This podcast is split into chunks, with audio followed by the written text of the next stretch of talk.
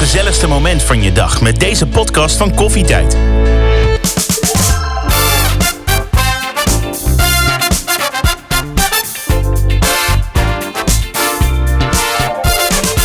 Vandaag is het ongemakkelijke onderwerp menstruatie. Ja, wij vrouwen krijgen of hebben er allemaal mee te maken. En ik bespreek alles met Noor van 23, die zichzelf mishormoon noemt. Ik kan alleen maar huilen. Ik moet sowieso al wel veel huilen, maar als ik ongesteld ben, dan, dan, zet die dan, ja, dan is die rem eraf en dan kan ik om alles huilen. Tamar van 37, die na haar zwangerschap niks meer van hormonen wilde weten. Ik voel me super kut. Alles, eh, hè, ik- lichamelijk, emotioneel. Dat moet je toch zien en merken. Help me dan. En Katelijne van 50, die de klok er gelijk op kon zetten wanneer ze ongesteld werd. Ik, ik zou je de details besparen, maar het was echt slachthuis, zullen we maar zeggen. Met al- alle toeters en bellen als je naar de wc ging. En dat was echt verschrikkelijk. Nou, fijn dat jullie er zijn, meiden. Hangt er bij er iemand mogen zijn. een rode vlag uit? Nee, Nee. Nee, Niks? nooit meer. jij bent er wel op gekleed, Vief. Ja, Je hebt een ik- rode ik- blouse Ik, aan. heb een rode blouse aangedaan. Ja. Want ik voel hem wel aankomen namelijk. Oké. dus dit is een teken voor... Het is wel een teken voor thuis ook. Oh ja. Let op, jongens. Slim. Alarmbellen. Weet jij nog hoe oud je was toen je voor het eerst ongesteld werd, Katelijn? Ja, eh, al mijn vriendinnen die waren het namelijk al. En dat varieerde van, eh, van elfjarigen die al aan de beurt waren. Dat was wel heel vroeg. Maar zo rond de 12, 13 was iedereen eh, toch wel een keer aan de beurt geweest. En ik zat maar te wachten en te wachten en te doen. En er kwam er niks. Dus ik dacht, nou, nou wacht maar, zijn mijn ouders. Van, komt echt wel. Nou ja, tuurlijk. En inderdaad, was bijna 15. En toen, eh wamma, toen eh, kreeg ik hem eh, onder de deur geschoven. En dacht ik, yes! Ik je was blij. bij. Ja, tuurlijk was ik blij. Ten eerste ben je blij dat het gewoon werkt. Maar ten tweede dacht ik, nou hoor ik er ook bij. Dan kan ik ook eens meepraten ah, ik kan niet gimmen, want ik heb ontzettende buikpijn. Weet je, dat soort dingen. Ja, ik bedoel, niemand ging dat controleren natuurlijk. Maar ja, na twee keer de vlag uithangen, vond ik het eh, iets minder leuk worden. En dan was de lol er wel af, kan ik je vertellen. Ja, Eh, zo is het. Het is geen lolletje. zeker niet. Nee. Tamar, jij, weet jij nog toen je voor het eerst ongesteld werd? Zeker. Ik was er ook zo eentje zoals jij. Ik was ook heel laat. Ik was 15, weet ik nog. En eh, ik, ik was ook blijven zitten in 2 HAVO. En die jonkies uit mijn klas dan, die waren allemaal al ongesteld. En ik niet. Dus dat was echt heel erg eh, confronterend. Ik voelde me echt ook een soort van dat ik iets te bewijzen had daarin. Dus toen die eerste ongesteldheid kwam, toen was het echt eh, partytime. Ik heb echt overal, zo, waar maar kon, liet ik tampons slingeren en zo. Van ja, nee, ik ben ongesteld.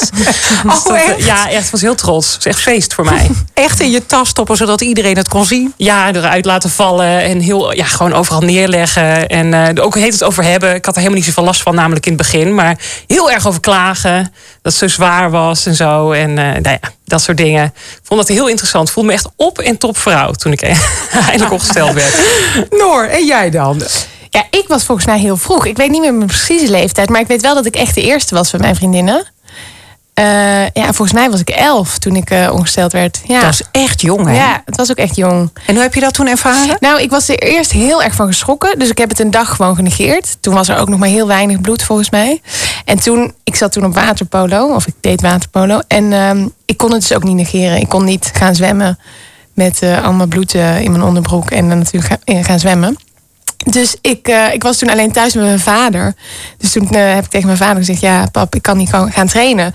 Ja, waarom niet? Ik zei: Ja, ik ben ongesteld. Huilen, huilen. Ja, ik vond, ik vond het dus heel erg. Omdat ik gewoon dacht: Ben ik nou weer de eerste met dit? En met wie kan ik het hier nou weer over hebben? En mijn moeder was weg. En ook al kan ik het er ook heel goed met mijn vader over hebben. Vond ik het toch allemaal ongemakkelijk en vervelend. En toen moest die tampon er ook al heel snel in, omdat ik gewoon ehm, wilde gaan trainen. Dus eh, ik weet waar heel veel vriendinnen van mij al heel lang begonnen met, eh, met maandverband. Of de eerste maand of zo. Ja, lag ik op dag drie al eh, met mijn benen gespreid en duwde mijn moeder hem erin. Ja. Oh jee. Ja, ja, want ik wilde trainen. Dus ik dacht, ja, ik kan moeilijk zonder tampon het zwembad induiken. Terwijl volgens mij word je helemaal niet ongesteld als je in het water zit. Of vloeit het allemaal niet zo erg. Maar goed, je wil gewoon niet eh Nee, maar zodra je eruit buiten gaat het water. wel, ja, nee, precies. Nee, Ja. daarom. Dus eh, dat was wel even nodig. Maar het moment zeg maar, dat jouw moeder je moest helpen met die tampon. Ja, Hoe was dat ja dan? ik kan me dat nog zo goed herinneren. Want ik vond het verschrikkelijk. Maar ook op elfjarige leeftijd... Ik was nog helemaal niet bezig met seks of met iets van seksuele handelingen daar beneden. Dus ik was er zelf denk ik ook nog nooit in geweest met mijn vinger. Dus ik vond het allemaal zo ongemakkelijk. Maar ik wilde gewoon trainen. Dus ik dacht, ja, het moet gewoon. En toen ik weet, ik zie, ik zie mezelf nog op bed liggen. Dat mama zei, nou, benen wijd, kom op, in de lucht. En toen zat hij er gewoon echt niet diep genoeg in. Dus ik ging zwemmen. En de eerste keer dat ik, het dat ik mijn, uh, badpak aandeed en over de kant liep, zei een uh, teamgenootje tegen mij: uh, Ik zie je touwtje hangen. Oh.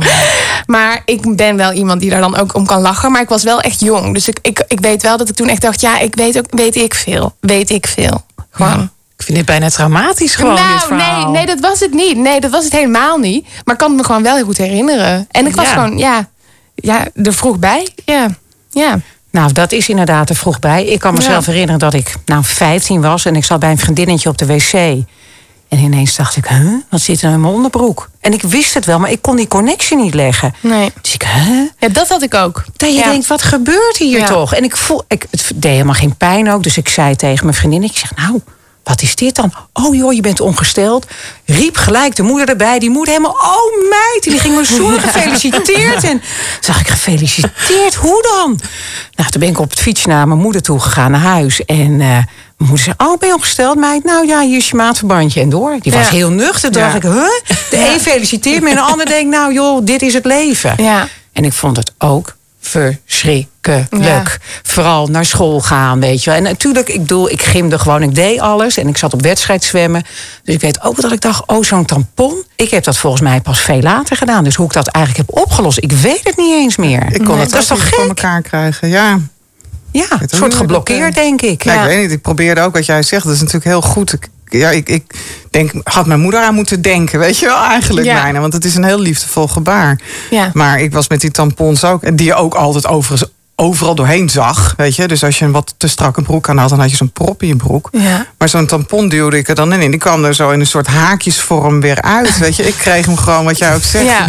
gewoon, het, het lukte gewoon ook, echt niet. Maar wat jij zegt over mijn moeder, want jij zei net, het is bijna traumatisch. Maar ik zie het juist ook wel echt als iets heel liefs, inderdaad. Dat, met, Oh, dat ik ja. dat dan met mijn moeder, ja, heel raar natuurlijk. Maar ik zie het wel Ja. iets als ik denk, koester ik toch ergens dat moment ook. Want het was wel eh, allemaal met de goede bedoelingen. En toch ook de ontmaagding van mijn vrouw zijn op die manier. Ja, dat bedoel ik. Ja, dat Maar is even voor de duidelijkheid, het zegt ook meer over de relatie met mijn moeder dan die met jou hoor. Dat ik dat zeg. Dat, dat, tuurlijk, Nee, maar ik zat ook te, zeker nu we het er weer over hebben en dat ik er ook over na ging denken van hoe ging dat dan? Het is dat ik het me heel goed kan herinneren en dat ik het niet per se fijn vond, maar het is ik nee, het, het is een ook weer het is geen vervelende herinnering. Het gaf jou Nee. vrijheid ook Ja. uiteindelijk. Ja. Wat, Katelijne, vind jij nou het grootste ongemak van menstrueren? Nou, wat ik het grootste ongemak vond eigenlijk toen ik echt een stuk jonger was, was dat je eh, s s'nachts bijvoorbeeld eh, als je ging slapen, eh, nooit zo goed wist hoe je dan de volgende dag wakker ging worden. Dus dan was het bijvoorbeeld, eh, hè, dan stond je op en dan had je echt de stortvloed van, van de nacht. En nou ja, in de tijd dat ik jong was, waren de menstruatieartikelen toch minder eh, ontwikkeld dan nu. Toen had je een matrasje met één plakstripje en dan had je de mazzel dat hij in het midden bleef zitten. Kan je me herinneren? Ik kan het nog heel goed herinneren. Dus, eh, Frustratie ja, alom. Ja, dus het was meer echt het ongemak daarvan. Dan, en ja, gewoon de, de standaard buikpijn. Maar het vloeien, dat vond ik wel echt het allerergste. En dat dat niet goed konden, kunnen indammen, zeg maar. Ja, en je bent dus niet meer ongesteld. Hè? Nee. Hoe lang al niet meer? Nou ja, ik heb sinds mijn veertigste nu een, eh, een spiraal. Omdat ik rond mijn veertigste veranderde mijn eh, menstruatie eh, nogal.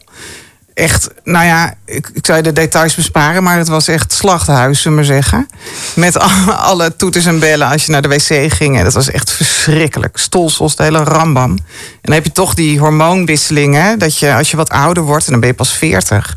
Maar eh, dat de gynaecoloog zei, nou kind, eh, er zit, alles ziet er nog prima uit. Maar we gaan er nu wel een spiraal in zetten waarvan ik zei, nu? Ehm, ja, nu, je bent er nou toch? Dus ik zei, oh, oké.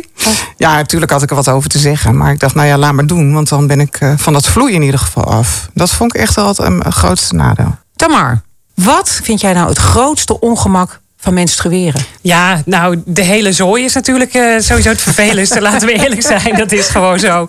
Dat de hele tijd eh, moeten inderdaad verschonen weer. Een andere tampon erin en weet ik het wat nog meer. En ik, ik vind tampons ook verschrikkelijk. Dus ehm, eh,